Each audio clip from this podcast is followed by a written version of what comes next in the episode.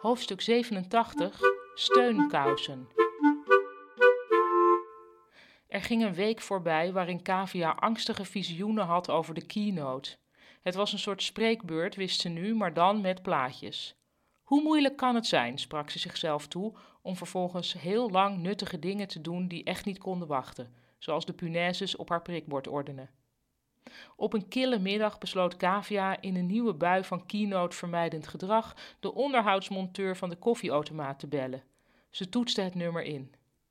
Na ongeveer vijftien keer over te zijn gegaan, werd de telefoon opgenomen. Een oude stem zei: Brakenhof. Dag, spreek ik met de firma Koffie op locatie? Pardon? De man die Brakenhof heette begreep duidelijk niet waar het over ging.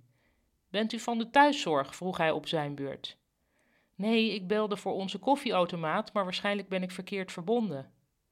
Ik zou nieuwe steunkousen krijgen, zei meneer Brakenhof, maar die heb ik tot op heden niet mogen ontvangen. Hé, wat vervelend, zei Kavia.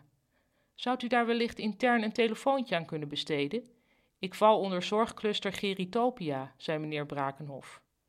Nou, ik ben dus eigenlijk niet van de thuiszorg, probeerde Kavia. Het kan mij in dit stadium niet schelen waarvan u bent, maar de feiten liggen nu zo dat ik hier zonder steunkousen zit. Meneer Brakenhof klonk als iemand die vroeger een belangrijke functie had gehad. Ik zal kijken wat ik voor u kan doen. Dank u wel en dan zie ik uw antwoord spoedig tegemoet. Kavia legde neer en keek om zich heen. Verkeerd verbonden, zei ze tegen de anderen. Verkeerd verbonden bestaat al een jaar of vijftig niet meer, Kavia, zei Stella. Sinds er geen telefonistes meer zijn, maken we alle fouten gewoon zelf.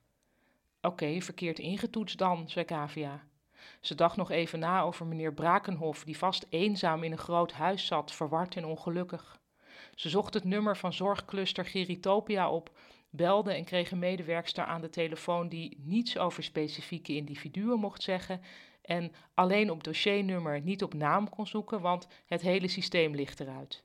En of ze een momentje had. Kavia luisterde een minuut of vijf naar een wachtmuziekje en kreeg toen iemand anders aan de telefoon. Iemand die snel en gedecideerd zei dat de herbevoorrading van steunkousen inderdaad sectorbreed een probleem was. Toen was het alweer vijf uur. Met een onbevredigd gevoel sloot Kavia haar computer af.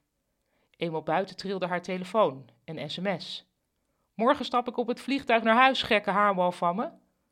En zo kwam terug. Goddank.